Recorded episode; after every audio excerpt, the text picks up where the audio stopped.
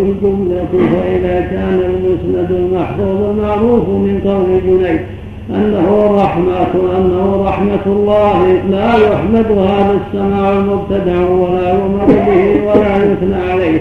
بل المحفوظ من أقواله ينافي ذلك لم يجد أن يعمد إلى قول مجمل روي عنه بغير إسناد فيحمل على أنه مدح هذا السماع المحدث. وقد روى بعض الناس أن جنيد كان يحضر هذا السماع في أول عمره ثم تركه وحضوره له فعل والفعل قد يستدل به على مذهب الرجل وقد لا يستدل به. ولهذا ينادي رأيت فلانا يفعل وقد يفعل الشيء بموجب العادة والموافقة من غير اعتقاد له فيه. وقد يفعل وقد يفعله نسيانا لا لاعتقاده فيه أو حظا وقد يفعله ولا يعلم أنه ذنب ثم يعلم بعد ذلك أنه ذنب ثم يفعله وهو ذنب. وليس أحد معصوما عن أن يفعل ما هو ذنب لكن الأنبياء معصومون من الإقرار على الذنوب فيتأسى بهم بأفعالهم التي أقروا عليها لأن الإقرار عليها يقتضي أنها ليست ذنبا وأما غير الأنبياء فلا فكيف بمن يكون فعل فعلا ثم تركه؟ وأقصى ما يقال إن الجنيد كان يفعل أولا هذا السماع على طريق الإحسان له. والاستحباب أو يقول ذلك فيكون هذا لو صح معارضا لأقواله المحفوظة عنه. فيكون له في المسألة قولان.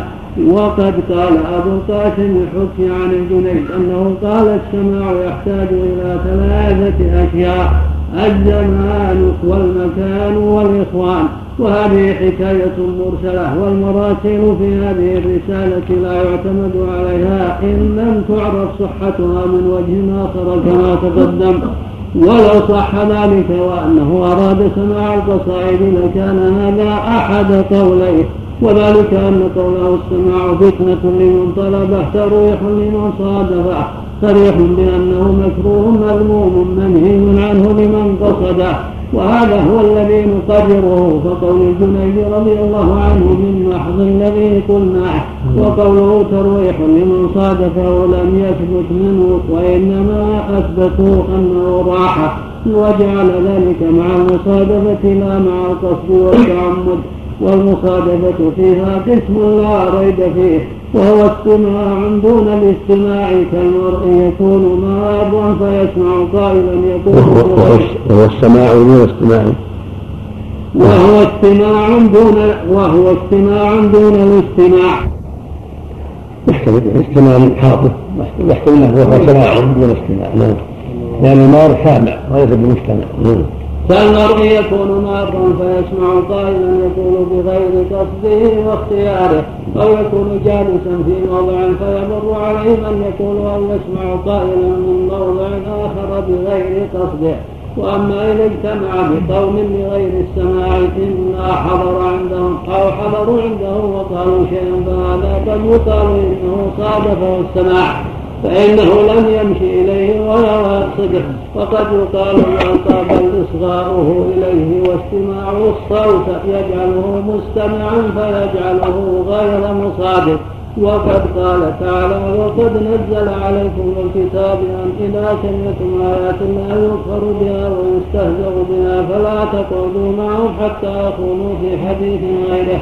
إنكم إذا مثلهم فجعل القاعدة الاجتماع بمنزلة القائل وأكثر ما يقال إن الجنيد أراد بمصادفة هذه الصورة وهو مع جعله ترويحا لمن يجعله سببا للرحمة.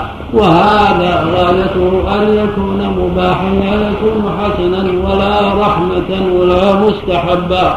والكلام في إباحته وتحريمه غير الكلام في حسنه وصلاحه ومنفعته. وكونه وكونه قربة وطاعة فالجنيد لم يفعل شيء لم يقل شيئا من هذا وقول قائم تنزل الرحمة على أهل السماع. إذا أراد به سماع القصائد يقتضي أنه حسن وأنه نافع في الدين وكلام الجنيد صريح في خلاف ذلك. قال ابو القاسم فلا قال في الجنيد لأن الجنيد معروف بالعلم والفضل واتباع السنة قال علمنا هذا مقيد بالكتاب والسنة ولهذا أطال المؤلف بالدفع الدفاع عنه وبيان أنه ليس من أهل السماع الذين هم سماع الأغاني وسماع الطفول والدفوف الذي يفعلها بعض الصوفية ويسمونه السماع ويدعون أنه ترق به القلوب وهو بدعه منكره نعم. قال أبو القاسم وسئل الشبلي عن السماع فقال ظاهره فتنة وباطنه عبرة فمن عرف الإشارة حل له السماع بعبرة وإلا فقد استدعى الفتنة وتعرض للبلية. قلت هذا القول مرسل لم يسنده فالله أعلم به فإن كان محفوظا عن السنة فقد نبهنا على أن الأئمة في طريق الحق الذين يعتمد يعتد بأقوالهم كما يعتد بأقوال أئمة الهدى هم مثل الجنيد وسهل ونحوهما فإن أقوالهم صادرة عن أصل وهم مستهدون فيها. وأما الشبلي ونحوه فلا بد من عرض أقواله وأحواله على الحجة فيقبل منها ما وافق الحق دون ما لم يكن كذلك. لأنه قد كان يعرض له جواب العقل حتى يذهب به إلى المارستان غير مرة. وقد يختلط اختلاطا دون ذلك. ومن كان بهذه الحال فلا تكون أقواله وأفعاله في مثل هذه الأحوال مما يعتمد عليها في طريق الحق. ولكن له أقوال وأفعال حسنة. قد علم حسنها بالدليل فتقبل لحسنها في نفسها وإن كان له حال أخرى بغير عقله أو اختلط بغير حال أخرى بغير عقله أو اختلط فيها أو وقع منه ما لا يصلح ما لا يصلح. ومعلوم أن الجنيد شيخه هو الإمام المتبع في الطريق وقد أخبر أنني سمع أن السماع أن لسماعين وقد أخبر أن السماع فتنة لمن طلبه فتقليد الجنيد في ذلك أولى من تقليد الشبل الشبلي في قوله. في قوله ظاهره فتنة وباطنه عبرة. إذ الجنيد أعلى وأفضل وأجل باتفاق المسلمين وقد أطلق القول بأنه فتنة لطالبه وهو لا يريد أنه فتنة في الظاهر فقط. إذ من من شأن الجنيد أن يتكلم على صلاح القلوب وفسادها فإنما أراد أنه يفتن القلب لمن طلبه وهذا نهي منه وذم لمن يطلبه مطلقا ومخالف لما أرسل عن الشر لأنه قال من عرف الإشارة حل له السماع بالعبرة. وهذا التفصيل يضاهي قول من يقول هو مباح أو حسن للخاصة. بل الخاصة دون العامة وقد تقدم الكلام على ذلك وأنه مردود لأن قائله اختلف قوله في ذلك وما أعلم أحدا من المشايخ المقبولين يؤثر عنه فيه في السماع نوع رخصة نوع رخصة وحمد إلا ويؤثر عنه الذم والمنع. فهم فيه كما يذكر عن كثير من العلماء أنواع من المشايخ فلا يوجد عمن له في الأمة حامل شيء من ذلك إلا وعنه ما يخالف ذلك. وهذا من رحمة الله بعباده الصالحين حيث يردهم في آخر أمرهم إلى الحق الذي بعث به رسوله صلى الله عليه وسلم. ولا يجعلهم مصرين على ما يخالف الدين المشروع. كما قال تعالى في صفة المتقين الذين أعد لهم الجنة فقال وسارعوا إلى مغفرة من ربكم وجنة عرضها السماوات والأرض أعدت للمتقين الذين ينفقون في السراء والضراء والكاظمين الغيظ والعافين عن الناس. والله يحب المحسنين والذين إذا فعلوا فاحشة أو ظلموا أنفسهم ذكروا الله فاستغفروا لذنوبهم ومن يغفر الذنوب إلا الله ولم يصروا على ما فعلوا وهم يعلمون. أولئك جزاؤهم مغفرة من ربهم وجنات تجري من تحتها الأنهار خالدين فيها ونعم أجر العاملين. وقول القائل من عرف الإشارة حل له السماع بالعبرة. وقد تقدم أن الإشارة هي الاعتبار والقياس لأن يجعل المعنى الذي في القول مثلا.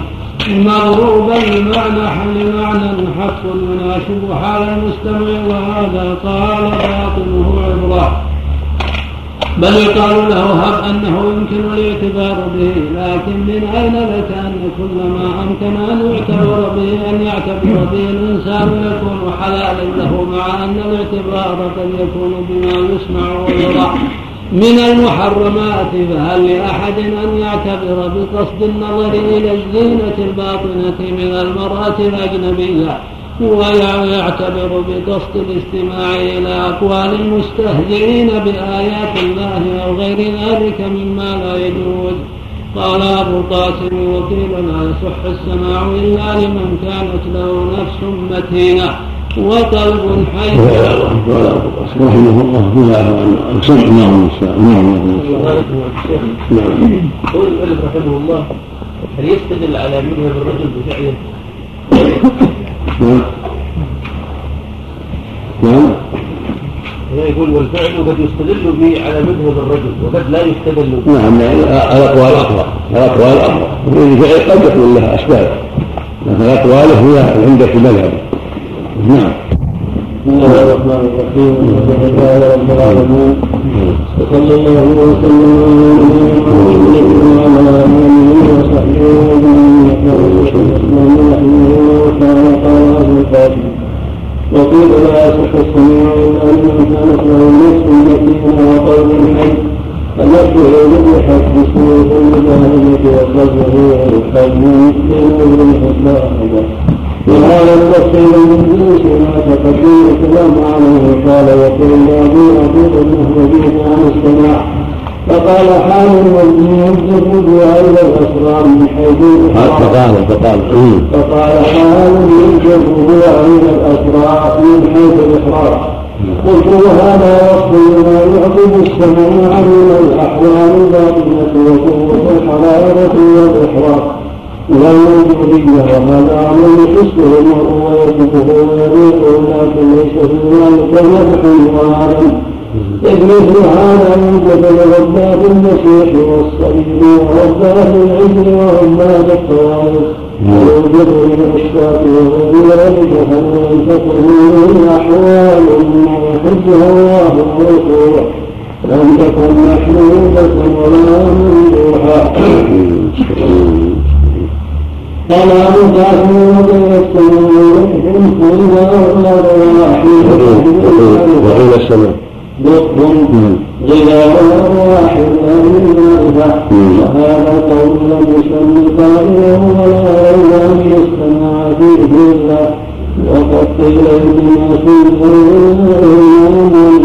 الناس لكن الآخرية والمطاعم منها ضيق ومنها خير ولو تكن مستمد الإنسان بحسنه يكون طيب فمن أكل الخنزير يجتنبه آكله وشارب الخلق يستمعها سالكها ومما يبين ذلك أن سماع الألحان يتربى به أهل الجهل أكثر مما يتولى به أهل المعرفة كما كان بالأطفال والبهائم والنساء وكما يكون في أهل البواب والأعراب وكل مما عقله ومعرفته كما هو مشهور فأما السمع الشرعي فلا إنه بلا ينتزع من أهل المعرفة كما أخبر الله ذلك في قوله فإذا سمعوا ما أنزل إلى الرسول شرعا فإنهم ينتهون من الذين هم الحق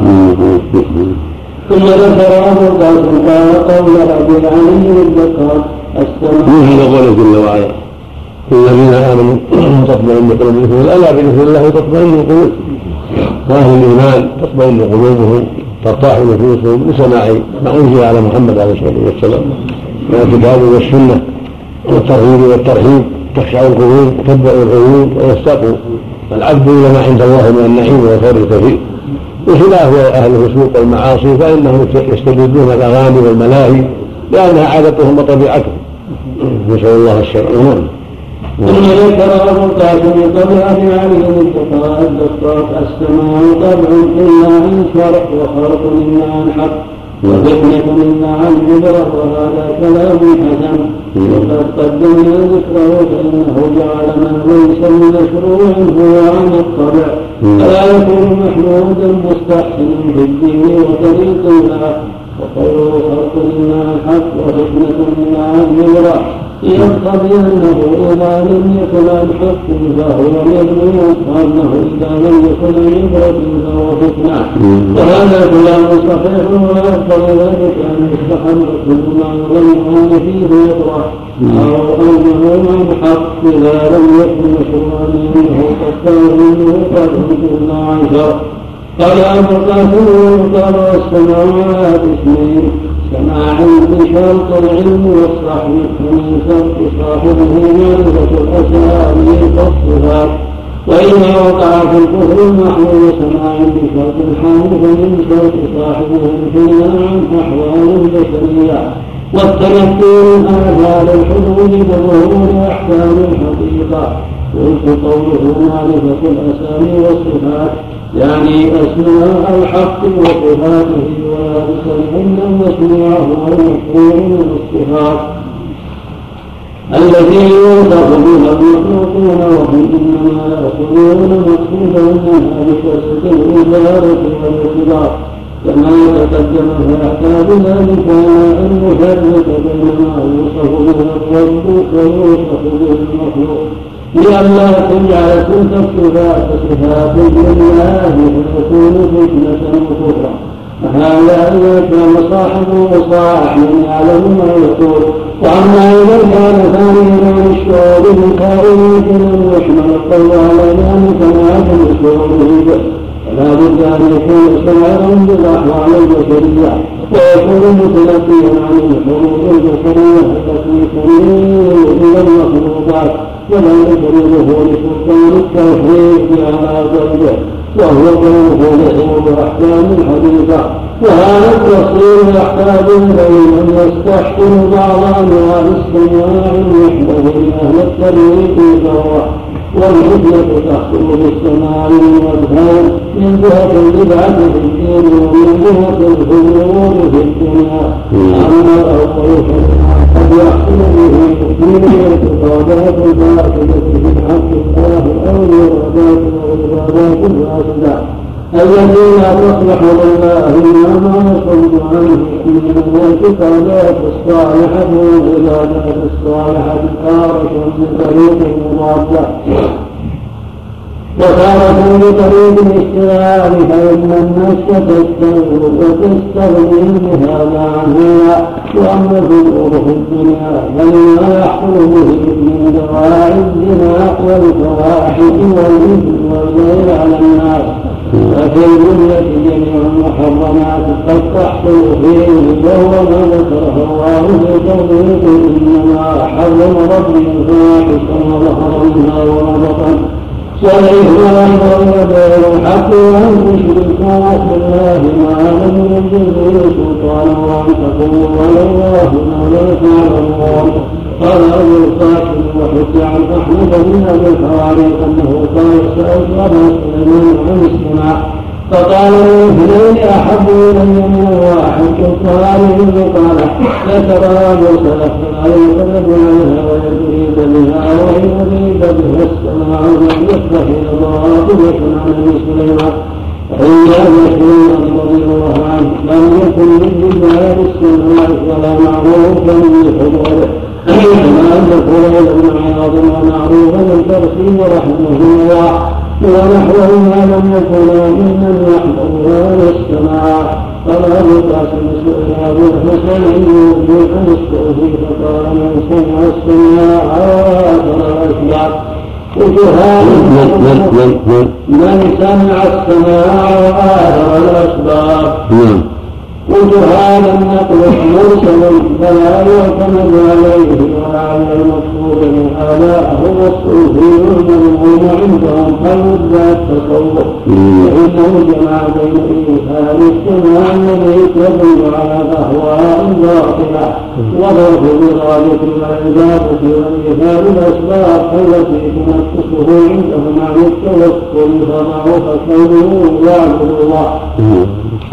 وضعف كونه يستعينه ولله فالجمهور لا يفعل هذا شرط في التوحيد المحقق فلا بكاس الإسلام علي وذو بال عن السماع يوما فقال ليتني تخلصنا منه رأسا براس قلت هذا الكلام من مثل هذا الشيخ الذي هو من اجر المشايخ الذين صحوا جنيد وطبقته يكرر ما قدمناه لأن حضور الشيء في السماء لا يدل على مذهبه واعتقاد الحسنى فإنه يتمنى ألا يكون عليه فيه إثم بل يخلق منه لا له ولا عليه ولا له ولو كان من جنس المستحبات لم يكن ذلك فيه إلا لتقصير المستمع لا لجنس الفعل وليس له أن يقول ذلك إلا عن نفسه لا يزال هذا حكما عاما في ذلك العمل كما عمر بن الخطاب رضي الله عنه كان يقول حدث من الامر من قال هذا بعد توليه الخلافه لفرط خشيته الا يكون قد قام بحقوقها ولم يقل هذا في ابي بكر رضي الله عنه بين عالم يشهد له بالخيار في الخلافه بالحق ولذلك كان عمر الخير يحمله على القول تطوع عليه ليس من عليه مثل الوصف وصف الطائفة كلها بذلك فعلم أنه لا تكون فيه لأنه حسن وإن كان فاعلا له وقال أبو القاسم سمعت الشيخ أبا عبد الرحمن السري يقول سمعت أبا عثمان مذهولا يقول من ادعى السماع ولم يسمع صوت الطلوع وسرير الباب وصفير الرياح فهو مفتر مدع قلت هذا الذي قاله ابو عثمان هو مما يفصل هو مما مما يفصلون به بين سماع العبرة وسماع الفتنة. فإن سماع العبرة الذي يحرك وجه السالكين بالحق يحصل بسماع هذه الأصوات. لا يقف على السماع الذي يهواه وهو الفتن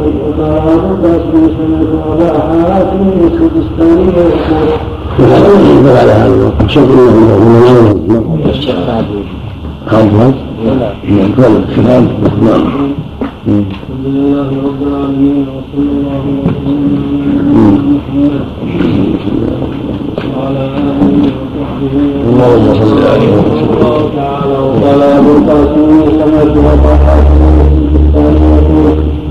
سمعت ابا مسلم استخراج في مسلمه سمعت ان القوم احمد بن مصاب بن العسكري يقول قال جعفر كان ابن كان من غيره من اصحاب الجنيد شيخا غالبا فربما كان يحضر موضع السمع فإن استطابه فرش إزاره وجلس وقال الصوفيون أعطيه وإن لم يستطبه قال السمع بأرباب القلوب ومرضى راحلا عليه قلت سنتكلم ان شاء الله على مثل هذه الحال وهو المسك معقد القلب كما يذوق الإنسان ويجد فيه صلاح القلب ونبين ان السلوك المستقيم هكذا من غير اعتبار لحوم القلب وما يدله ويذوقه من المنفعه والمنفعه والجمع على الله ونحو ذلك واما ذلك الحال فهو مذموم في الكتاب والسنة ضلال في الطريق وهو مبدأ بيان من العزلة والمسكات والمتصوفة والفقراء ونحوهم. وحقيقة الاتباع والهوى هدى من الله وقد تقدم من كلام المشايخ في هذا ما فيه الكفاية. فإن مجرد طيب القلب ليس دليلا على أنه إنما طاب لما يحبه الله ويرضاه بل قد يطيب بما لا يحبه الله ويرضاه مما يكرهه وما يكرهه أيضا لا سيما القلوب التي أشربت حب الأصوات الملحنة.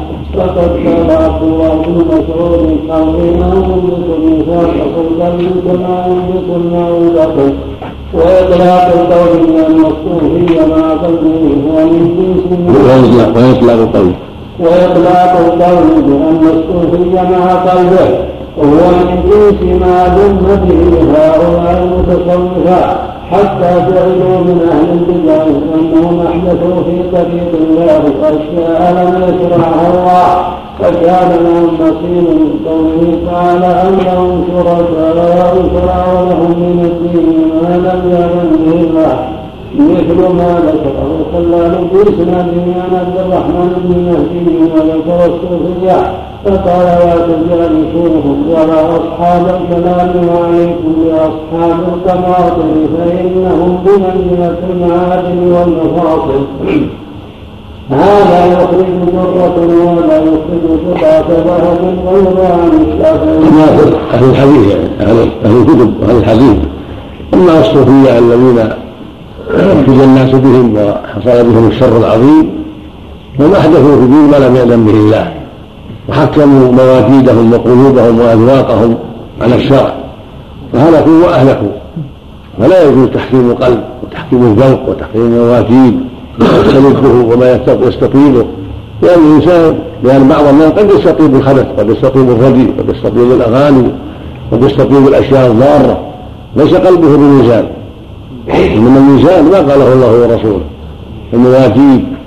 التي يجدها الإنسان والأذواق التي يجدها الإنسان. لا بد أن تعرض على الكتاب والسنة. فإن فإن وافقت الكتاب والسنة قبلت والا فهي من وحي الشيطان ومن ذوق الشيطان ومن اغوائه واضلاله ولهذا يقول بعضهم حدثني قلبي عن ربي يعني ما ما في حاجة إلى الرسول صلى الله عليه وسلم. ثم قال ان المحجوبون يروون عن الرسول صلى الله عليه وسلم عن الرسول عن الله. أما هؤلاء الذين كشف لهم فهم يروون عن ربهم رأسا مباشره وهذا من الجهل العظيم والضلال البعيد ومن ومن يستطيع ذلك. ومن يحكم أن ما رآه في النوم أو ما حل في قلبه أنه عن الله. ومن يقول ذلك. ومن يمنعه أن يكون من الشيطان. هذا من جهله العظيم وضلاله البعيد نسأل الله العافية. القلوب فيها الشر والخير. ويقع فيها الشر والخير. ويوحي اليها الشيطان زخرف القول. ولا بد أن ترى هذه المواجيد وهذه الاذواق التي تقع في القلوب لا بد أن ترى على الكتاب والسنة فإن طابت في الكتاب والسنة وصدقها الكتاب والسنة وأباحها وشرعها فالحمد لله والا وجب اطراحها وبهذا يعلم الإنسان خطر هذا هذه الطائفة وشرها. وهكذا أصحاب الكلام الذين أحدثوا الكلام وحكموا عقولهم هم من جنس هؤلاء بل اشد وأخطر. ولهذا قال عبد الرحمن يجتنب هؤلاء وهؤلاء أصحاب هذه المواجيد وأصحاب الكلام الذين شرعوا لانفسهم قوانين ما أنزل الله بها من سلطان. وقالوا هذا يجب على الله وهذا يمتنع على الله وهذا من عقولهم الفاسدة. وطريق العصمة وطريق النجاة وطريق السعادة التفقه في الكتاب والسنة. ونحن بما قاله الله ورسوله والحذر مما يقع في القلوب أو يقولها من كلام بعقولهم من نفي صفات الله أو تعطيل صفات الله أو بعضها أو الحكم على الله بغير حق. كل هذا باطل. فليس هو أحد اعلم من الله من الله. هو أعلم بنفسه سبحانه وتعالى. والرسول أعلم بالله من الناس عليه الصلاة والسلام. فلا طريق إلى معرفة أسماء الله وصفاته وحقه إلا من طريق الكتاب والسنة. وما يقوله هؤلاء الصوفية أو هؤلاء المتكلمين كله يجب ايقافه وأن يقبل منه إلا ما شهد له الكتاب العزيز أو السنة المطهرة الصحيحة بأنه صحيح. نعم.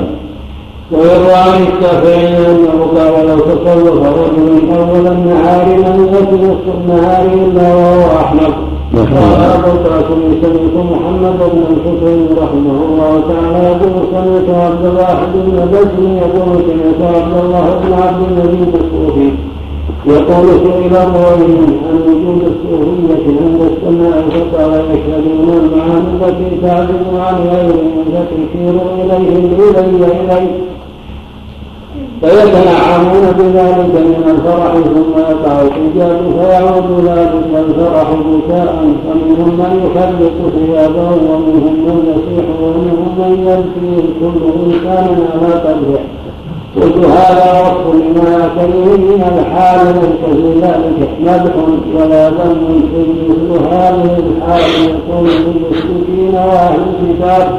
إذ قد يشهدون بقلوبهم ما أنهم يفرحون بما فتتبع ذلك المحبة. فإن الفرح يتبع المحبة ومن أحب شيئا فرح بوجوده وتعلم بفضله والمحبوب قد يكون حقا وقد يكون باطلا. قال تعالى ومن الناس من يتخذ من دون الله اندادا يحبونهم كحب الله والذين آمنوا أشد حبا لله. وقال تعالى واشركوا في قلوبهم والعزل بكفرهم.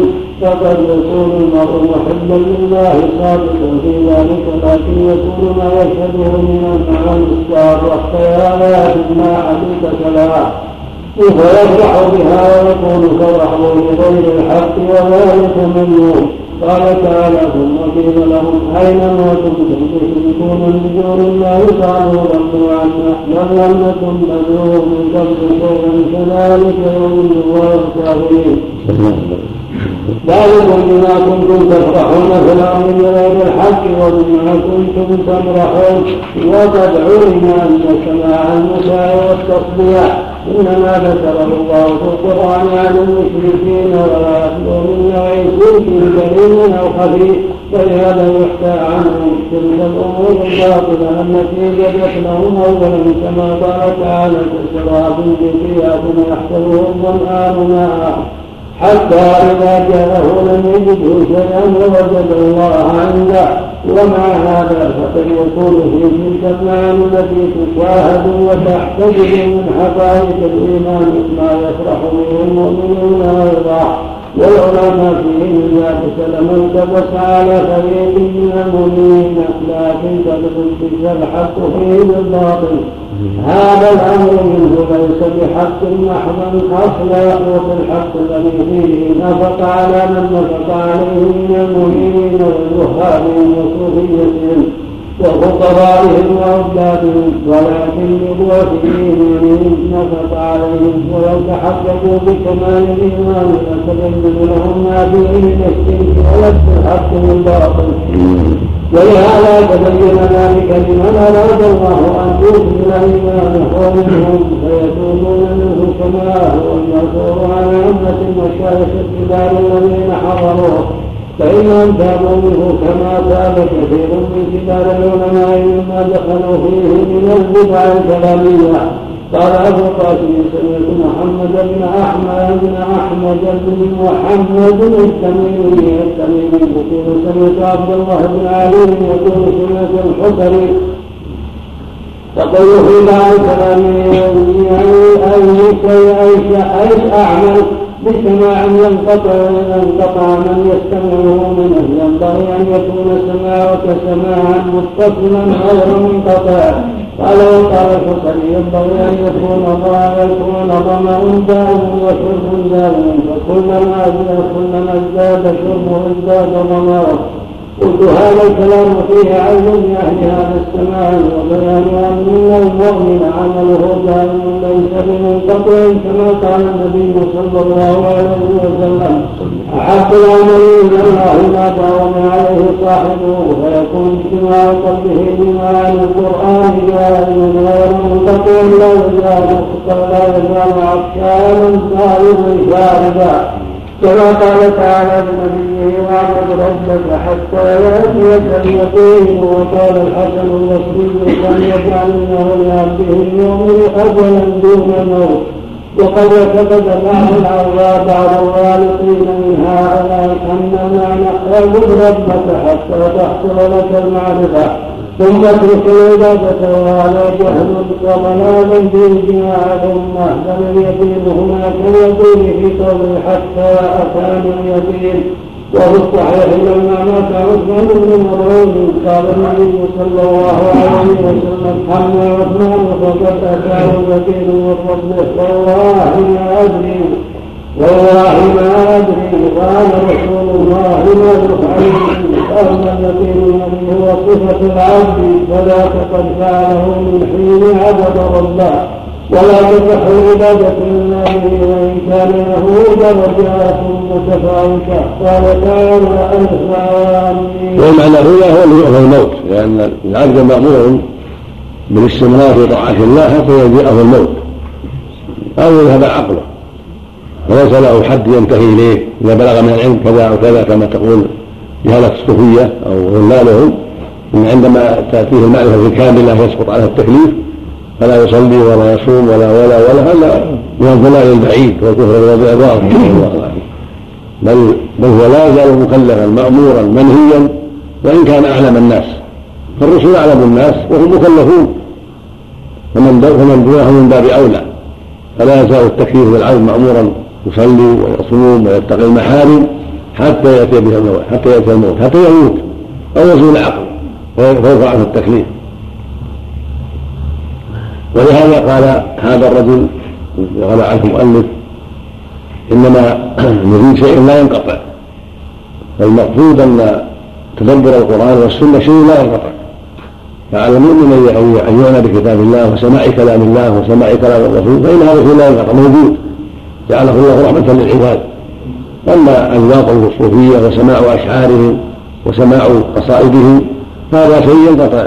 هذا يأتي بقصيدة وهذا يأتي بقصيدة وهذا يأتي بأشعار فيها الشر وهذا فيها ما قد تطيبه تستطيبه القلوب وهذا يخلط فترة كذا وترة كذا ثم ترجع إليهم حالاتهم وحلوتهم وشكهم. وأما من كان إقباله على كتاب الله وعلى سنة الرسول هذا شيء لا ينقطع موجود مستمر.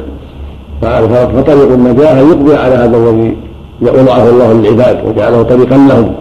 كلما زادوا علما زادوا حاجة إليه. كلما زاد العالم علما زاد حاجة إلى العلم. وعرف جهله وعرف أنه في حاجة إلى المزيد. ولهذا قال النبي وقل رب زدني علما وما وما اوتيتم من العلم إلا قليلا. كل ما زاد طلب العلم عرف الإنسان جهله. وأنه في حاجة إلى المزيد من العلم وهكذا وهكذا. فإذا علم اليوم مسائل عرف في حاجة إلى مسائل أخرى يعني يتعلمها ويستفيد منها. فطلب العلم والتفقه في الدين يزداد به صاحبه معرفة بجهله ومعرفة بحاجته إلى مزيد من العلم. فلا يزال أبدا في, إقبال على كتاب الله وعلى سنة رسول الله صلى الله عليه وسلم يطلب المزيد من العلم ويطلب إزالة الجهل الذي عنده حتى يلقى ربه اللهم المستعان وقال تعالى الإسلام ذلك الكتاب لا ريب فيه هدى للمتقين إلى قوله وبالآخرة هم يوقنون وقال وجعلنا منهم أئمة يهدون بأمرنا لما صبروا وكانوا بآياتنا يوقنون. وقال عن الكفار وإذا قيل إن وعد الله حق والساعة لا ريب فيها. قلتم ما ندري ما الساعة نظن إلا ظنا وما نحن بمستيقنين. قال مجاهد وجاء مجاهد في تفسير قوله تعالى فهم في غرة يحذرون. أنه السماع من الحروب يليه بأصوات شهية نحن الخالدات فلا نموت أبدا ونحن النائمات فلا نبعث أبدا وهذا فيه أنه نعم في الآخرة بالسماع وقد تقدم الكلام على هذا. أن التنعم بالشيء في الآخرة لا يقتضي أن يكون عملا حسنا ومباحا في الدنيا وقال وقيل السماع نداء والوجد قصد وهذا كلام مطلق فإن المستمع يناديه ما يستمعه بحق تارة وببواطل أخرى. وواجبه قاصد يبين المناد الذي قد يدعو إلى حق وقد يدعو إلى باطل. فإن الواجب تجد فيه نفسه وتجد وتجد في نفسه إرادة وقصدا. قال وسمعت محمد بن الحسين يقول سمعت أبا عثمان المعروفي يقول قلوب أهل الحق قلوب حاضرة واسماعهم اسماع مفتوحة.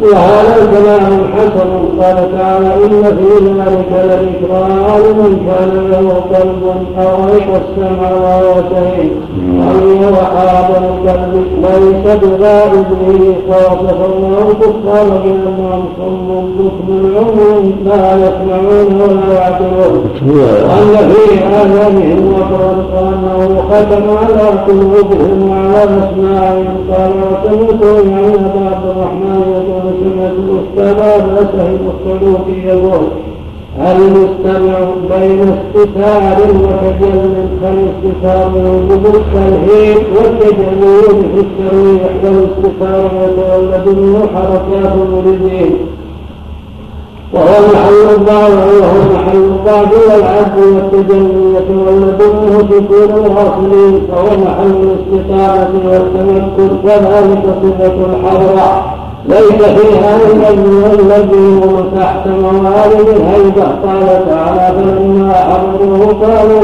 أنصتوا وقلت هذا كلام على أحوال أهل أهل السماع وهو مطلق في السماع الشرعي والبدعي لكنه لا وصف حال وحدة الأقرب. وهو وصف لبعض أحوالهم فإن أحوالهم أضعاف ذلك وأما الاستدلال بالآية ففيه كلام ليس هذا هو بأحقار وما يقول إكمال الحي السماع على ثلاثة أوجه وجه منه للذي منها للمريدين والمبتدئين يستدعون بذلك الأحوال الشريفة ويختارون في ذلك الفتنة والمراعاة. وكانوا الصادقين يطلبون الزيادة في أحوالهم ويستمعون ذلك ما يوافق وفاقهم والثالث في الاستقامة من العارفين وهؤلاء لا يختارون على الله فيما يرد على قلوبهم من الحركة والسكون قلت هذا الكلام مطلق في السماع فتنقل يتنفس بالاستماع يتناول باثنين فصل في محبة الجمال ثبت لله المسلمين وهذا وهذا الفصل سمع نعم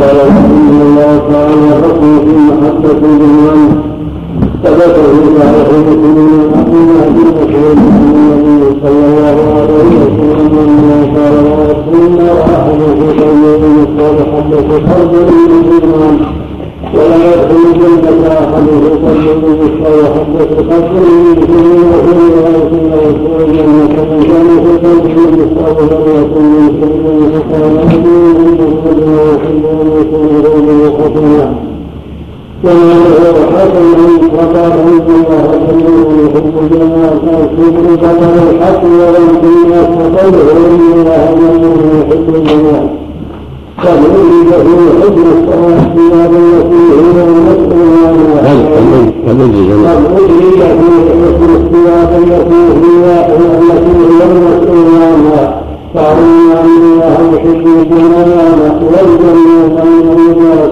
ويذكره وفي طريق الصحراء الجنه من كل شيء حياه في الحديث ولا يصل به وان عليه يحب المراها وقد ثبت عنه الصحيح انه كان أن الله طيبا يحب الاطيباء وهذا مما يستدعي به من استحباب التجمل بالجموع والاعياد كما في الصحيح ان عمر بن الخطاب رضي الله عنه رأى حمة تباع في السوق فقال يا رسول الله اشتريت هذه كيف لبسها فقال إنما يلبس هذه من لا خلاق له في الاخره وهذا يوافقه في حسن الثياب ما في السنن عن أبي الأحوص بن قال رمان النبي صلى الله عليه وسلم. وعلى الاحمر فقال هل لك من فلان قال من امنا بكل من كل ما اتى الله من النبي والشاه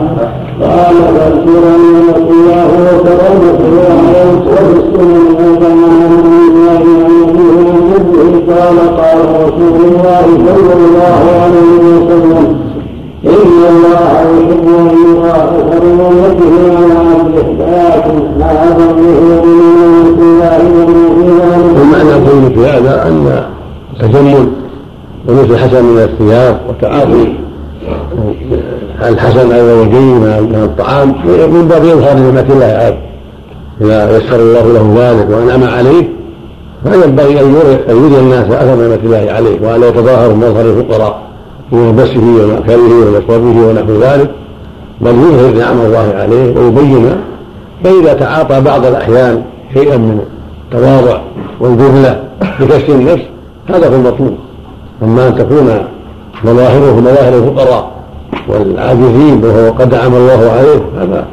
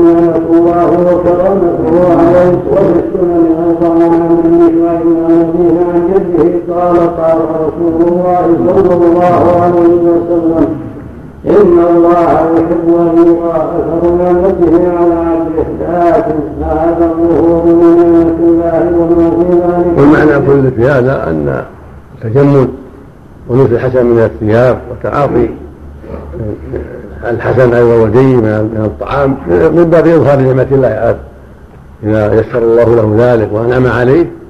أن يري, أن يري الناس اثر نعمة الله عليه والا يتظاهر بمظهر الفقراء في ملبسه ومأكله ومشربه ونحو ذلك بل يظهر نعم الله عليه ويبين فإذا تعاطى بعض الأحيان شيئا من التواضع والبذلة بكسر النفس هذا هو المطلوب. أما أن تكون مظاهره مظاهر الفقراء والعاجزين وهو قد نعم الله عليه هذا هو المكروه الذي لا ينبغي. ولهذا لما قال الرجل يا رسول الله الرجل يحب أن يكون ثوبه حسنا ونعله حسنا. أفذلك من الكبر؟ قال إن الله جميل يحب الجمال. الكبر بطر الحق وغمط الناس. الكبر بطر الحق يرد الحق. التكبر عن قبوله وغمط الناس احتقاره خرجه الامام مسلم في الصحيح رحمه الله. هذا يدل على أن ينبغي التجمل لبس الحسن من الثياب بين الناس في صلاته وبين الناس ولا سيما الجمعة. ولهذا لما عمر لما رأى عمر رضي الله رضي الله عنه حلة من ديباج قال يا رسول إني لو اشتريتها للوفد والجمعة. فقال إنما يلبسها من لا خلق له لأنها حريم. من لا خلق له في الآخرة. فدل على أن الجمعة يلبس لها الحسن من الثياب وعند مقابلة الوفود فهذا كله يبين لنا أن ينبغي المؤمن أن تكون له مظاهر حسنة حسب ما أعطاه الله من النعمة. وهكذا حديث عبد الله بن عمرو. إنه يحب أن يرى أثر يرى أثر نعمته على عبده. فإذا كانت عنده النعمة والخير فليكن مظهره مظهر الغنى والسعة في لباسه وفي ماكله ونحو ذلك. أما أن يلبس الفرقان والربيع من الطعام وقد نعم الله عليه فهذا معناه نوع من الجهل لنعم الله في الفعل ونحو إظهار الفقر بالفعل نسأل الله السلامة. نعم. الله يؤخذ من الحديث هذا. إن الله جميل إن الله طيب إن الله إثبات. أن من اسماء الله جميل. نعم نعم مما صح نعم. أما حديث ان الله يحب النظافه فهو ضعيف. رواه الترمذي لكنه ضعيف. انه يحب النظافه ضعيف لكن معناه صحيح. معناه إن الله جميل. نعم. جميل طيب. نعم طيب. إن الله تعالى طيب لا يقبل إلا طيبا رواه مسلم. نعم. لكن هذا نعمة الله. يرى ولا يرى؟ إن الله يحب أن يرى ولا يرى؟ رواية أنه يحب أن يرى أثر نعمته عليه أثر نعمته عليه نعم. وإذا رآه رآه الناس أيضا نعم.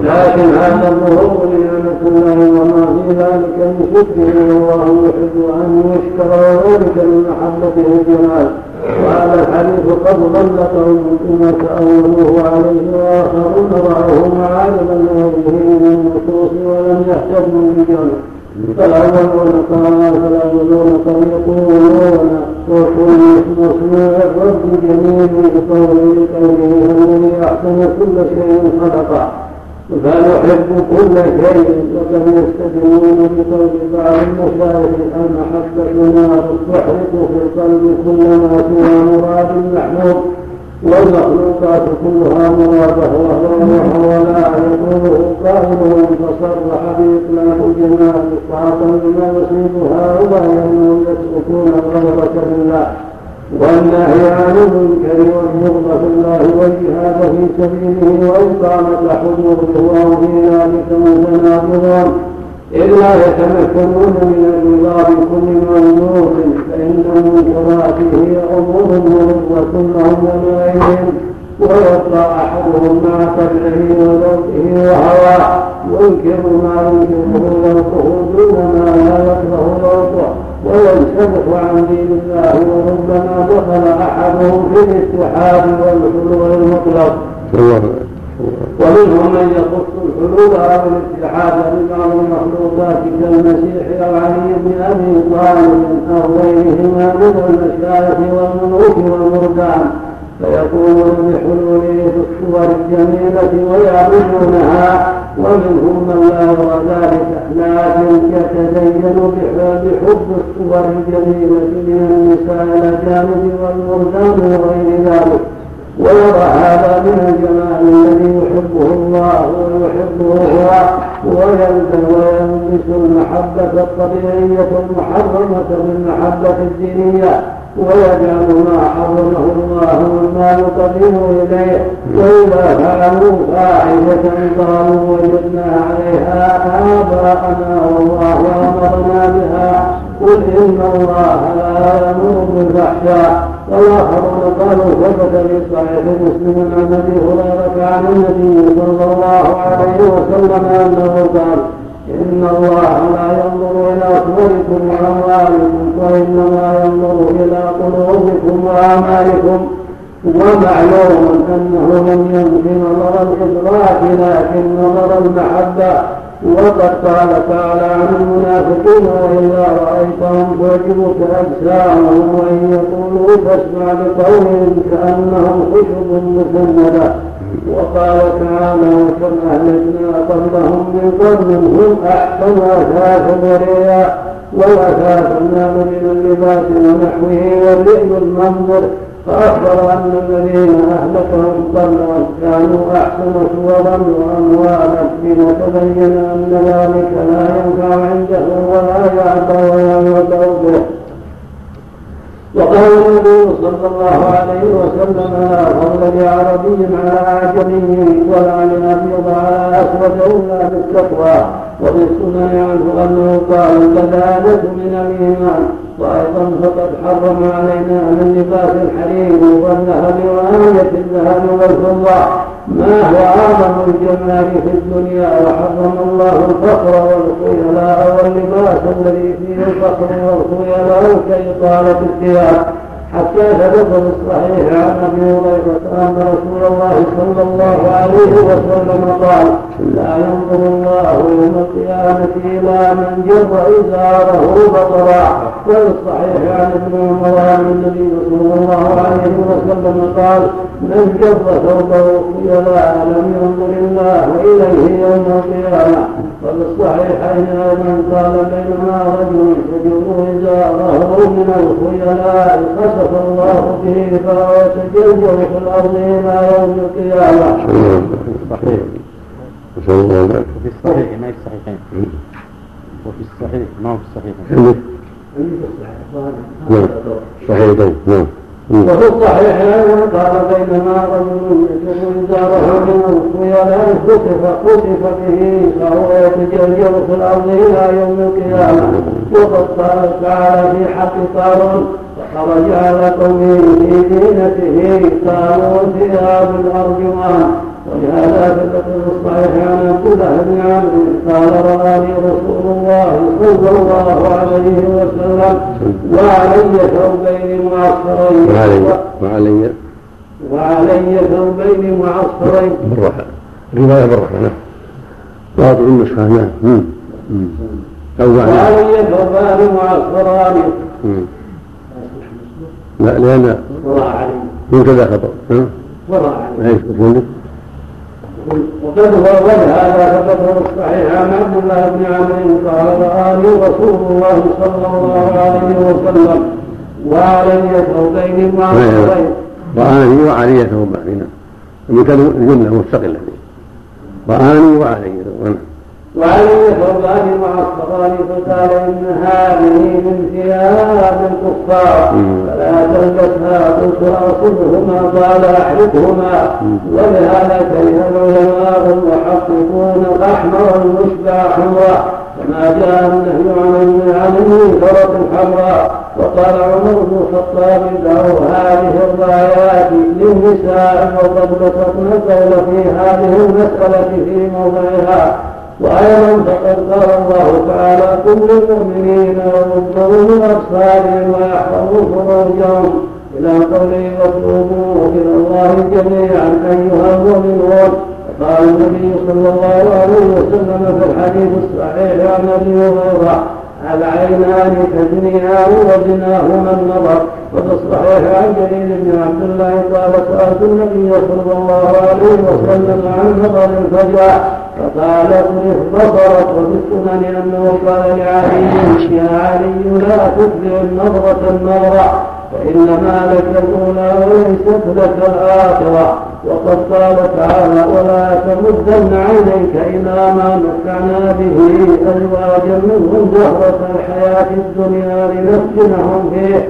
ورزق ربك خير وارضى وقال ولا تمدن عينيك إلى ما متعنا به أزواجا منهم. ولا تحزن عليهم واخفض جناحك للمؤمنين.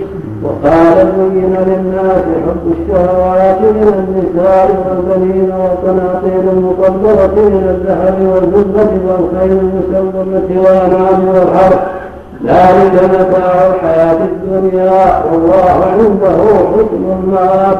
ولا أنبئكم بخير من ذلكم الذين اتقوا عند ربهم جنات تجري من تحتها الأنهار خالدين فيها. وأزواج مطهرة ورضوان من الله والله بصير بالعباد. وقد مع ذنبه بمنامه من هذه الزينة. ثم حرم زينة الله التي أخرج لعباده والطيبات من الرزق. وجعل الذين آمنوا في الحياة الدنيا خالصة يوم القيامة.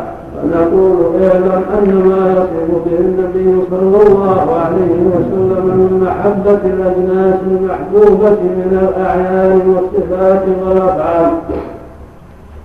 وما يبغضه من ذلك هو مثل ما يامر به من الأفعال وينهى عنه من ذلك. فإن الحب والبغض هما أصل الأمر والنهي وذلك نظير ما يعده على الأعمال الحسنة من الثواب ويتوعد به على الأعمال السيئة من العقاب. أمره ونهيه ووعده ووعيده وحبه وبغضه وثوابه وعقابه كل ذلك من جنس واحد. والنصوص النبوية تأتي مطلقة تأتي مطلقة عامة من الجانبين فتتعارض في بعض الأعيان والأفعال التي تندرج في نصوص المدح والذم والحب والبغض والأمر والنهي.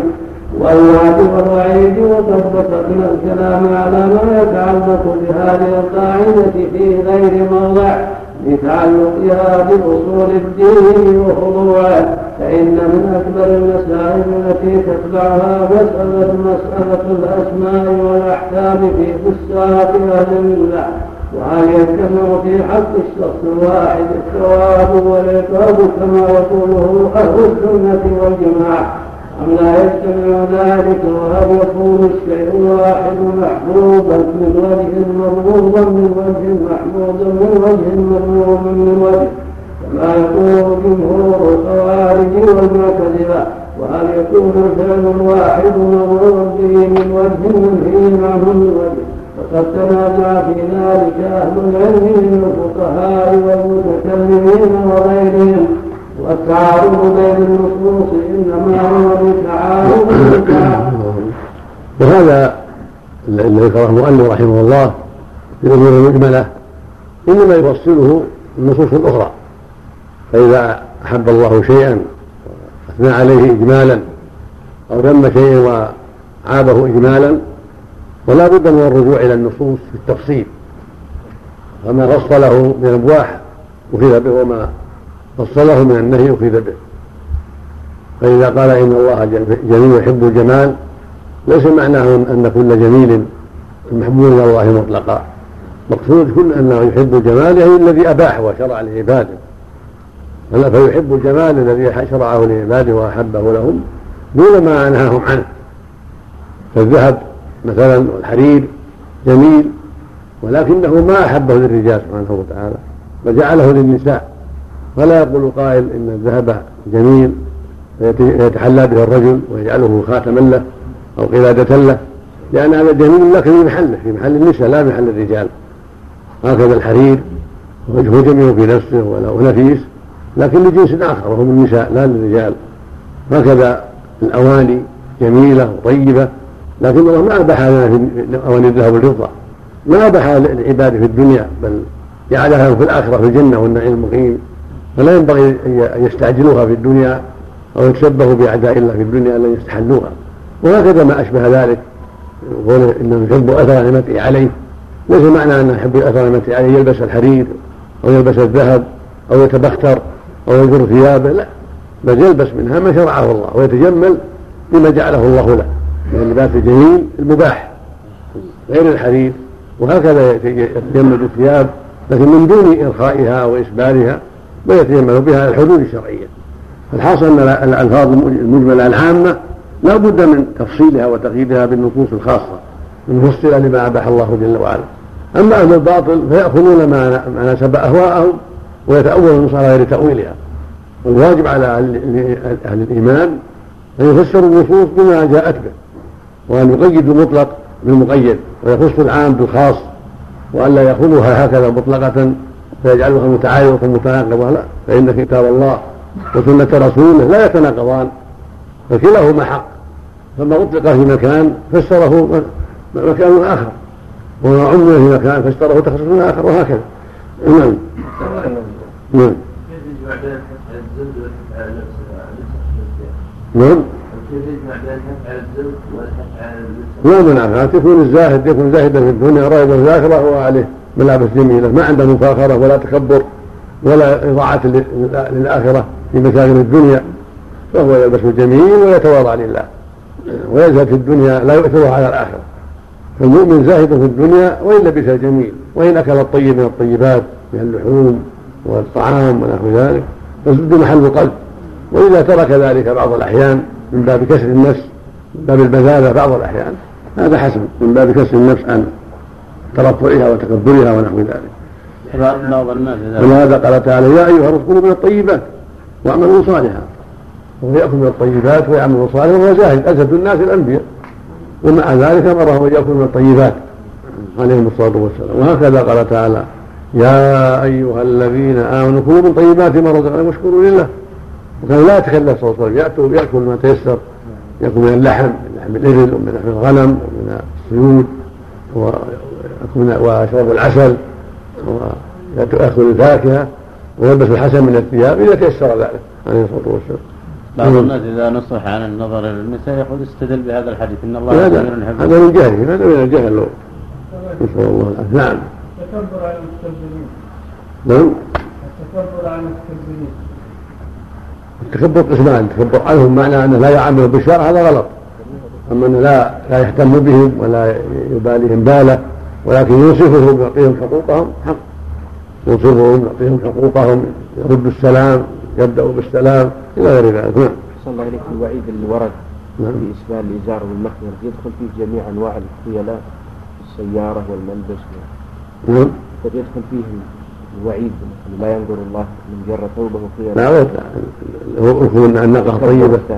ركوب الناقة الطيبة والفرس الطيب هو من الخيلاء. هذا خيال مقيدة.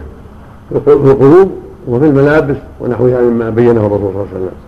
كان قلبه فيه تكبر ولو ولو على خير.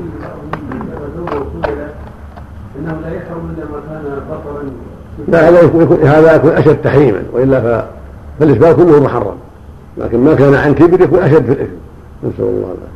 ولهذا قال صلى الله عليه وسلم ما أسلم الكعبين الانسان فهو في النار ولم يقيده. صلى الله عليه وسلم. نعم.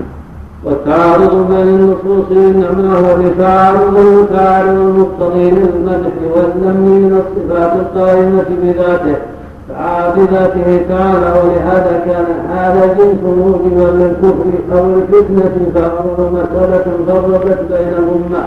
مسألة فاسد منهم فأخرجته الخوارج في نصوص الوعيد والخلود في النار وحكموا بكفره وواردته المعتزلة على دخوله في نصوص الوعيد وخلوده في النار. لكن لم يحكموا بكفره فلو كان الشيء خيرا محضا لم يجد الفرقة.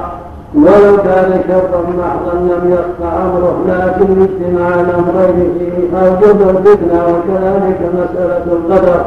التي هي من جملة فروع هذا الأصل فإنه اجتمع في الأفعال الواقعة التي نهى عنها أنها مرادة له لكونها من الموجودات وأنها غير محبوبة له ولا مرضية بل ممقوتة مطلوبة لكونها من المنهيات فقال فقال طوائف من أهل الكلام الإرادة والمحبة والرضا واحدة.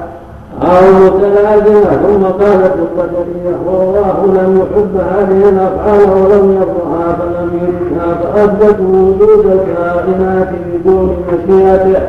ولهذا لما قال غيران القدري ربيعة بن عبد الرحمن يا ربيعة يا ربيعة يا ربيعة ابن أبي من أبي نعم وهو ربيعة بن أبي عبد الرحمن يا ربيعة أي نشأت هذا نشدتك بالله أترى الله يحب أن يعصى فقال له ربيعة فترى الله يعصى كسرا فكأنه ألقمه حجرا يقول له نزهته عن محبة المعاصي فسلبته إرادته كفره وجعلته مطهورا مستورا. وقال من أراد قدريه بل كل ما أراده فقد أحبه ورضيه ولكنه من يكون الكفر والفسوق والعصيان محبوبا لله مرضيا. وقال أيضا يأمر بما لا يريده وكل ما أمر به من الحسنات فإنه لم يرد وربما قالوا ولم يحبه ولم يرضى إلا إذا وجد ولكن أمر به وطلبه فقيل لهم هل يكون طلب وإرادة واستدعاء بلا إرادة ولا محبة. ولا رضا هذا جمع بين النقيضين فتحيروا فأولئك سلبوا الرب خلقه وقدرته وإرادته وهؤلاء سلبوا محبته ورضاه وإرادته الدينية وما يصحبه أمره ونهيه من ذلك وكما أن الأولين لم يثبتوا أن الشخص الواحد يكون مثابا معاقبا. بل اما مثاب واما معاقب فهؤلاء لم يبينوا أن كل واحد يكون مرادا ومن وجه دون وجه. بل مرادا غير محبوب بل إما مراد محبوب وإما غير مراد ولا محبوب. ولم يجعل المرادة إلا نوعا واحدا والتحقيق أنه يكون مرادا غير محبوب ولا مرضي ويكون مرادا من وجه دون وجه ويكون محبوبا مرضيا غير مراد الوقوع والإرادة نوعان إرادة دينية وهي المقارنة للأمر والنهي والحب والبغض والرضا والغضب وإرادة كونية وهي المقارنة للقضاء والقدر والخلق والقدرة وكما تفرقوا في صفات الخالق تفرقوا في صفات المخلوق فأولئك لم يثبتوا له إلا قدرة واحدة. تكون قبل الفعل وهؤلاء لم يثبتوا إلا قدرة واحدة تكون مع الفعل أولئك نفوا القدرة الكونية التي بها يكون الفعل وهؤلاء نفوا القدرة الدينية التي بها يأمر الله العبد وينهاه على من أصول في مسألة تكليف ما أعطاه والقسم إلى قدرية مجوسية تثبت الأمر والنهي وتنفي القضاء والقدر. وإلى قدرية مشركية شر منهم تثبت القضاء والقدر وتكذب بالأمر والنهي. أو ببعض ذلك وإلى قدرية إبليسية. تصدق بالأمرين لكن ترى ذلك تناقضا مخالفا للحق والحكمة. وهذا كما أمة ما تتعارض فيه الأسباب والدلائل تجد فريقا يقولون بهذا دون هذا. وفريقا بالعكس وفريقا لهم غير واعتقدوا تناقضهما وصاروا متحيرين أو معلنين عن التصديق بهما جميعا. أو متناقضين مع هذا تارة ومع هذا تارة. وهذا تجده في مسائل الكلام والاعتقادات ومسائل الإرادة والعبادات. كمسألة السماع الصوتي ومسألة الكلام ومسائل الصفات وكلام الله وغير ذلك من المسائل وجماع قوله ذلك أن كل أمرين تعارضا على بد. لا والخلاصة في هذا أن الله سبحانه وتعالى له إرادتان. إرادة كونية كالمشيئة. هذه بها خلق الأشياء وبها أوجد الأشياء. وهي المراد في قوله سبحانه إنما أمره اذا اراد أن يقول كن فيكون. وفي قوله جل وعلا ولو شاء ربك ما فعلوه وفي الحديث ما شاء الله كان وما لم يشاء يكن هذه بها أوجد الله الأشياء وخلق الأشياء خيرها وشرها. وهناك اراده دنيا تتبعها المحبة والرضا وهي ما جاءت به الرسل فما أمر الله به فقد أراده شرعا وأحبه شرعا.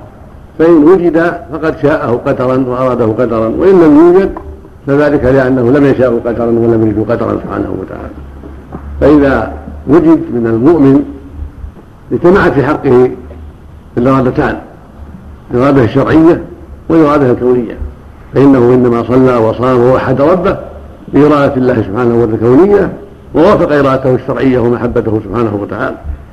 وتنفرد الإرادة الكونية في حق العاصي والكافر فإنه إنما كفر وعصى بما سبق من المشيئة والإرادة الكونية ولكنه لم يوفق لقبول الإرادة الشرعية والأمر الشرعي فصار عاصيا ضالا ولكنه لم يخرج عن قدر الله ولا عن إرادة كونه سبحانه وتعالى فإنه سبحانه لا يكون في ملكه ما لا يريد. فتجتمع الإرادتان في حق المطيع وتنفرد الإرادة الكونية والمشيئة في حق العاصي والكافر. وهذا فصل النزاع بين أهل السنة وبين أهل البدع. الله المستعان. نعم. نعم بسم الله الرحمن الرحيم. الحمد لله رب العالمين وصلى الله وسلم على نبينا محمد وعلى آله وصحبه أجمعين. وقال رحمه الله تعالى وجمع قوله ذلك أن كل أمرين تعارضا. فلا بد أن يكون أحدهما راجحا أو يكونا متكافئين فيحكم بينهما بحسب الرجحان. وبحسب التكافؤ فالعملان والعاملان إذا امتاز كل منهما بصفات فإن ترجح أحدهما فهو الراجح. وإن تكافأ سوي بينهما في الفضل والدرجة وكذلك أسباب المصالح والمفاسد وكذلك الأدلة فإنه يعطى كل دليل حقه ولا يجوز أن تتكافأ الأدلة في نفس الأمر عند الجمهور لكن تتكافأ في نظر الناظر كون الشيء الواحد من الوجه الواحد ثابتا منتفيا فهذا لا يقوله عاقل. واصل هذا كله العدل بين التسوية بين واصل واصل. واصل هذا كله العدل بين بالتسوية بين المتماثلين فإن الله تعالى يقول لقد أرسلنا رسلنا بالبينات وأنزلنا معهم الكتاب والميزان. ليقوم الناس بالقسط وقد بسطنا القول في ذلك وبينا أن العدل جماع الدين والحق والخير كله وقد وقد بسطنا وقد بسطنا القول في ذلك وبينا أن العدل جماع أن العدل جماع الدين والحق أما العدل. جماع الدين نعم. والحق والخير كله. نعم. في غير موضع والعدل الحقيقي قد يكون متعذرا إما عمله وإما العمل به. لكن التماثل من كل وجه غير ممكن أو غير معلوم. فيكون الواجب في مثل ذلك ما كان أشبه بالعدل وأقرب إليه وهي الطريقة المثلى. وقال الله سبحانه ولعظم ذلك يقول جل وعلا إن الله يأمر بالعدل والإحسان. ويقول في السبع يظلم الله في ظله إمام عادل ويقول يا أيها الذين آمنوا كونوا قوامين بالقسط شهداء لله. ويقول وأقسطوا إن الله يحب المقسطين. هذا كله العدل في الأمور كلها في نفسه وفي الناس. الله أكبر. نعم. وقال سبحانه واوفوا الكيل والميزان بالقسط لا نكلف نفسا وسعها وعلى هذا فالحق الموجود وهو الثابت الذي يقابله المنفي والحق المقصود وهو المامور به المحبوب الذي يقابله عنه المبغوض ثلاثة أقسام.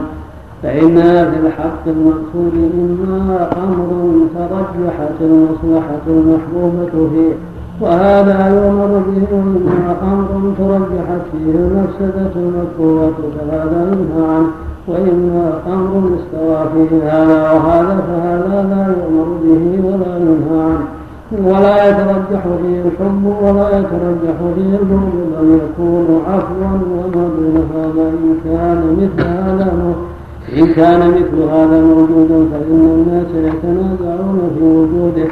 فقيل هو موجود وقيل بل هو بل هو المقدر في الفعل لا وجود له بل لا بد من الرجحان كما قيل مثل ذلك في بعد الله وعلى هذا فالأمر الذي ترجحت فيه المصلحة وأمر به غلب فيه جانب الحق مع أن الذي فيه المصلحة مغضب من كونه مراد. فهو مراد بغيض والأمر الذي ترجح فيه جانب المصلحه محبوب. لكنه مراد الترك محبوب فهو محبوب في نفسه.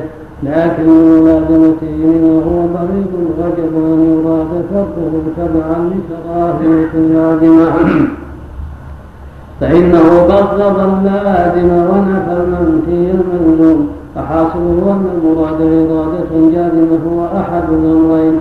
إما الفعل وإما الترك والأول هو المأمور به والثاني هو المنهي عنه. لكن مع هذا فقد يشتمل المفعول على تغيير محتمل. فقد فقد. لكن مع هذا فقد يشتمل المفعول على تغيير محتمل. ويشتمل المفروض على حبيب مرفوض فهذا أصل نافع. فهذا في الفعل الواحد وأما الفاعل الواحد الذي يعمل الحسنه والسيئة معا وهو وإن كان التفريق بينهما ممكنا لكنه لكنه هو يعملهما جميعا ويتركهما جميعا. لكون محبته لأحدهما مستلزمة لمحبته للأخرى وبغضه لأحدهما مستلزما لبغضه للأخرى فصار لا يؤمر إلا بالحسن من الفعلين. ولا ينهى إلا عن السيء منهما وإن لزم ترك الحسنة لا ينبغي أن يأمره في مثل هذا بالحسنة الموجودة فإنه يكون أمرا بالسيئة ولا ينهى عن السيئة المرجوحة فإنه يكون نهيا عن الحسنة الراجحة. وهكذا المعين هكذا وهكذا المعين يعين على الحسنة الراجحة وعلى ترك السيئة المرجوحة. وهذا أصل عظيم تدخل فيه أمور عظيمة. مثل الطاعة لأئمة الجور وترك وترك الخروج عليهم وغير ذلك من المسائل الشرعية. وهذا حكم الطائفة المشتملة أفعالها على حسنات وسيئات بمنزلة الفاعل في ذلك وبما ذكرناه في الفعل الواحد والفاعل الواحد تظهر ذنوب كثيرة. إما الحق الموجود وإما أن يكون الشيء في نفسه ثابتا ومنتفيا. لكن كثيرا ما تحصل مقابلة بين إثبات عام ونهي عام ويكون الحق في التفصيل وهو ثبوت بعض ذلك العام وانتفاء بعضه وهذا هو الغالب على المسائل الكبار التي يتنازع فيها أحداث الكلام والفلسفة ونحوهم والدليل إما أن يكون دليلا معلوما فهذا لا يكون إلا حقا. لكن كثيرا ما يظن الإنسان أن الشيء معلوم ولا يكون معلوما.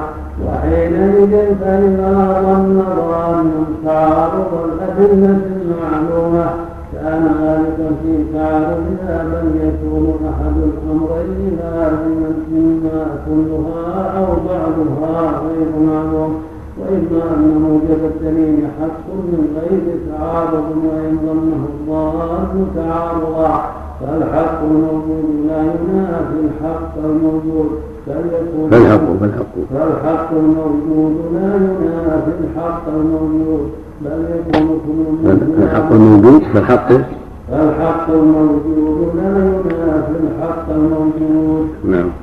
بل يكون كل منهما موجودا بخلاف الحق المقصود فإنه قد يكون يقصد بالذلك ما في كل منهما من المصالح المقصودة. لكن لا يوجد الضدان فإن كان الدليل مغلبا للظن قتل فيه موجبه. وإذا تعارضت هذه الأدلة رجح راجحها وسوي بين متشابهها إذا تقرر ذلك فقوله فقول فنقول قول النبي صلى الله عليه وسلم إن الله جميل يحب الجمال كقوله النبي علمه الدعاء اللهم إنك عفو تحب العفو فاعف عني. وقوله تعالى إن الله يحب التوابين ويحب المتطهرين. وإن الله نظيف يحب النظافة فهو سبحانه إذا كان يحب العفو لم يوجد هذا ألا يكون في بعض أنواع العفو الراجح. ما يعارض ما فيه من محبة العفو ولولا ذلك حط لكان على على يجوز يحب النظافة حط عليها إشارة نعم، نعم. الحديث ضعيف غير الترمذي هو ضعيف لكن ما المؤلف. أين وجده نعم. فهو سبحانه إذا كان يحب العفو لم يوجب هذا لا يكون في صح كم صح كم؟ 438 نعم نعم. فهو سبحانه إذا كان يحب العفو لم يوجب هذا ألا يكون في بعض أنواع العفو من المعارض الراجح ما يعارض ما فيه من العفو ولولا ذلك لكان ينبغي أن يعفو عن كل محرم فلا يعاقب مشركا ولا فاجرا لا في الدنيا ولا في الآخرة. وهذا خلاف الواقع ولوجب أن يستحب لنا العفو عن كل كافر وفاجر. فلا نعاقب أحدا على شيء وهذا خلاف ما أمرنا به. وخلاف ما هو صالح لنا ونافع في الدنيا والآخرة. وكذلك محبته للمتطهرين ومحبته للنظافة لا تمنع حصول المعارض الراجح مثل أن يكون الماء محتاجا إليه للعطش فمحبته لسقي العطشان راجحة على محبته للطهارة والنظافة وكذلك سائر ما يتزاحم من الواجبات والمستحبات فإنها جميعها محبوبة لله وعند التزاحم المقدم أحبها إلى الله والتقرب إليه بالفرائض أحب إليه من التقرب إليه بالنوافل وبعض الواجبات والمستحبات أحب إليه من بعض وكذلك إذا تعارض المأمور فقد تعارض حبيبه وبغيضه فيقدم أعظمهما في ذلك فإن كان محبته بهذا أعظم من بغضه بهذا قدم وإن كان بغضه بهذا أعظم من بغضه بهذا قدم كما قال تعالى يسألونك عن الخمر والذكر قل فيهما إثم كبير ومنافع للناس وإثمهما أكبر من نفعهما وعلى هذا استقرت الشريعة بترجيح خير الخيرين ودفع شر الشرين وترجيح الراجح من الخير والشر المجتمعين. والله سبحانه يحب صفات الكمال مثل العلم والقدرة والرحمة. ونحو ذلك وفي صحيح مسلم عن أبي هريرة عن النبي صلى الله عليه وسلم المؤمن القوي خير واحب إلى الله من المؤمن الضعيف وفي كل خير. وفي الصحيح عنه أنه قال لا يرحم الله من لا يرحم الناس. وفي الصحيح أيضا عنه إنما يرحم الله من عباده الرحماء. وفي السنن حديث ثابت عنه الراحمون يرحمهم الله الرحمن. ارحموا من في الأرض في الأرض يرحمكم من في السماء ومع هذا فقد قال تعالى في حد الزاني والزانيه ولا تاخذكم بهما رافه في دين الله ان كنتم تؤمنون بالله واليوم الآخر وقال تعالى يا ايها النبي جاهد الكفار والمنافقين واغلظ عليهم وهذا في الحقيقة من رحمه الله فإن الله إنما أرسل محمدا رحمة للعالمين وهو سبحانه أرحم بعباده من الوالدة بولدها لكن قد تكون الرحمة المطلوبة لا تحصل إلا بنوع من ألم وشدة تلحق بعض النفوس كما ورد في الأثر إذا قالوا للمريض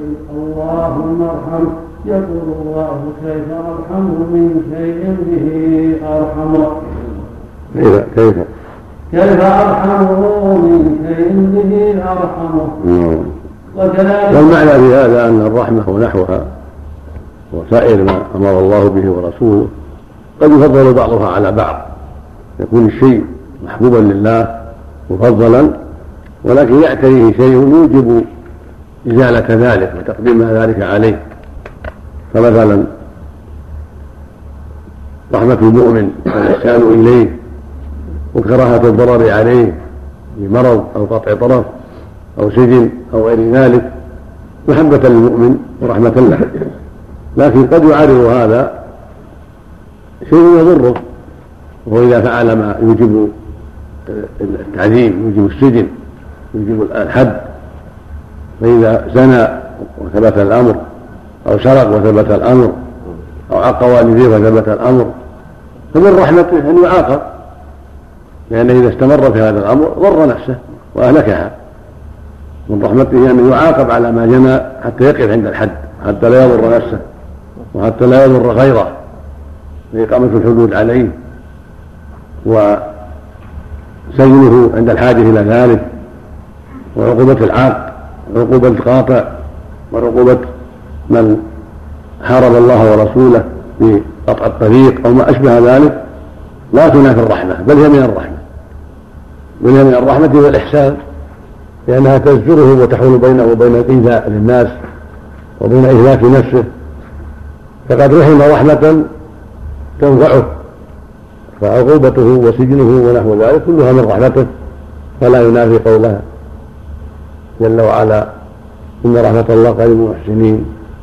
ولا قول النبي صلى الله عليه وسلم من لا يرحم لا يرحم. هذه رحمة هذه رحمة خاصة. تقتضي تكفير سيئاته وكف شر عن الناس. هكذا قتله. إذا كان محصنا هكذا قتله في القصاص إلى غير ذلك. نعم. وكذلك كون الفعل عفوا كون الفعل عفوا وصف يقتضي محبة الله له فإذا عارضه ما هو أحب إلى الله منه واشتمل على بغض الله له أعظم من محبته لذلك العفو قدم الراجح فكون الشيء جميلا يقتضي محبة الله له وهو سبحانه أحسن كل شيء خلقه. إذ كل موجود فلا بد فيه من وجه الحكمة التي خلقه الله لها. ومن ذلك الوجه يكون حسنا محبوبا وإن كان من وجه آخر يكون مستلزما شيئا يحبه الله ويرضاه. أعظم مما فيه مما فيه مما فيه مما ما فيه مما في نفسه من الظلم. فهذا من هذا مثلا القصاص. المطلوب القصاص معه العفو مطلوب. العفو أقرب للتقوى. ولن قد يحصل بالعفو مضره شر يترك ولا يعفى عنه. فيقام الحد وينفذ التعزير وينفذ القصاص لأنه لو عفى هؤلاء الذين هم أهل القصاص لزاد شر هذا وفتنته وضر الناس. قد يكون أهل القصاص جماعة فلو عفى بعضهم صارت بينهم فتنة. وشرور فلا ينبغي أن يخالف جماعته ويعفو ويسبب فتنة بينهم وشرا وقتالا وتقاطعا ونحو ذلك بل ترفع العفو في هذه الحال حتى ينفذ القصاص وتهدأ الأمور وتطفأ الفتن ويردع الظالم وتجتمع الأسرة على الخير والمحبة. أولى من العفو الذي يفرقهم ويشتت شملهم ويوقع بينهم العداوة والبغضاء. أو يجرئ من عفي عنه على فساد آخر نعم. فكون الشيء جميلا يقتضي محبة الله له وهو سبحانه أحسن كل شيء خلقه. إن كل موجود فلا بد فيه من وجه الحكمة التي خلقه الله لها. ومن ذلك الوجه يكون حسنا محبوبا وإن كان من وجه آخر يكون مستلزما شيئا يحبه الله ويرضاه. أعظم مما فيه من النور فهذا موجود فينا فقد يفعل الشخص الفعل كشرب الدواء الكريه الذي يبغضه الذي بغضه له أعظم من حبه له وهذا لما تضمن مما محبته له أعظم من بغضه للدواء أراده وشاءه وفعله. فأراد بالإرادة لازمها المقارنة بالقدرة فعلا فيه مما يحبه وأكثر مما يحبه لكونه مستلزما لدفع ما هو إليه أبغض ولحصول مع محبته له من بغضه. من بغضه لهذا فإن بغضه للمرض ومحبته للعافية أعظم من بغضه للدواء. فالأعيان التي نبغضها كالشياطين والكافرين وكذلك الأفعال التي نبغضها من الكفر والفسوق والعصيان. خلقها وأراد وجودها لما تستلزمه من الحكمة التي يحبها ولما في وجودها من دفع ما هو إليه أضر فهي مرادة له وهي مبغضة له مسقوطة كما بينا هذا في غير هذا الموضع وأما الجمال الخاص فهو سبحانه جميل يحب الجمال. أما الجمال الخاص؟